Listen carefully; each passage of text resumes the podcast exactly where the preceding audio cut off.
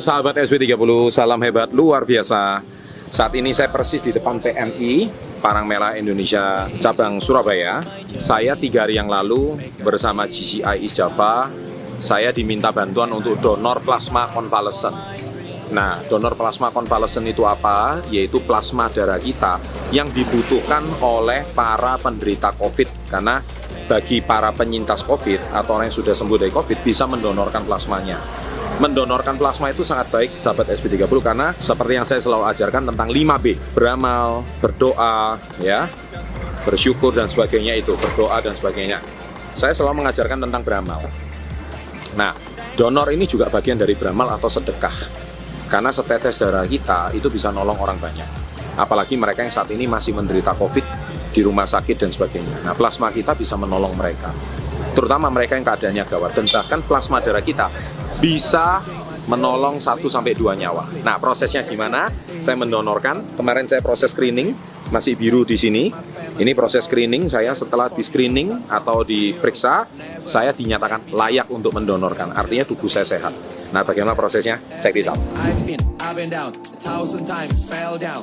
I don't even and now I'm at this point always pray I believe in you. Thank God forever. Nah guys jadi kita harus isi data dahulu.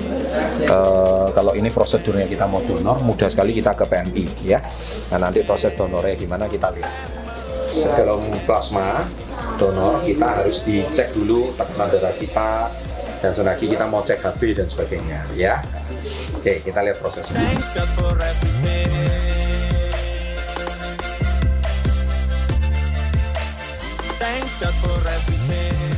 Guys, jadi kalau tadi kita cek darah dulu, cek tekanan darah. Sekarang kita mau cek HB. Ini ya, periksa HB. Kalau HB-nya yang layak untuk donor itu harus 12,5. Kalau kita di bawah 12,5 kita nggak layak donor. Nah sekarang kita mau cek apakah kita layak donor atau tidak. Kita cek HB dulu ya guys. Oke okay, guys.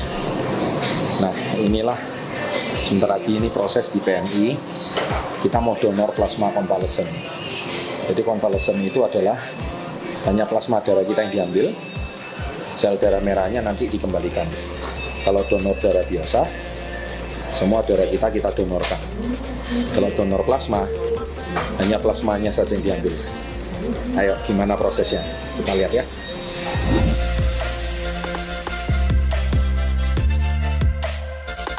God for everything. Inilah proses pengambilan darah konvalesen. Proses kurang lebih selama satu jam. Ini pembuluh darah saya termasuk besar nggak? Besar sih. Besar ya. Jadi lancar ya. Ya, insya Allah. Nah, semoga proses berjalan dengan lancar dan kita bisa membantu bagi mereka yang membutuhkan plasma nggak usah takut, nggak usah khawatir, banyak orang masih membutuhkan darah kita, plasma kita, khususnya Anda bagi penyintas. Saya sendiri pribadi sering donor guys, donor darah itu sangat baik untuk membantu satu dosis darah kita, karena setetes darah kita itu bisa menolong orang lain. Dan tentunya dengan donor darah, kita sirkulasi darah kita itu akan sangat baik. Di tubuh kita juga akan lebih sehat. Ya, jadi saya mengajak siapa pun para sahabat SB30 yang terpapar COVID, ya Anda sembuh, ikrar, janji sama diri Anda, kalau Anda sembuh, Anda akan nolong orang lain.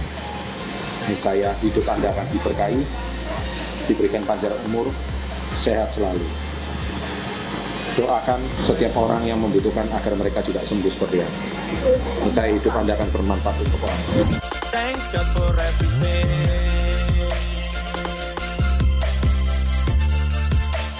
Thanks God for everything. Guys, akhirnya selesai juga plasma donornya dan total 650 cc darah kita diambil uh, dan proses pengambilannya kurang lebih sekitar 50 menit. Saat ini uh, prosesnya mudah, saya tidak merasakan apa-apa. Ya linu-linu dikit biasa lah ya kalau proses proses donor yang pasti kalau kita diberikan kesehatan berbagilah pada orang lain. Itu sebuah rezeki yang sangat luar biasa.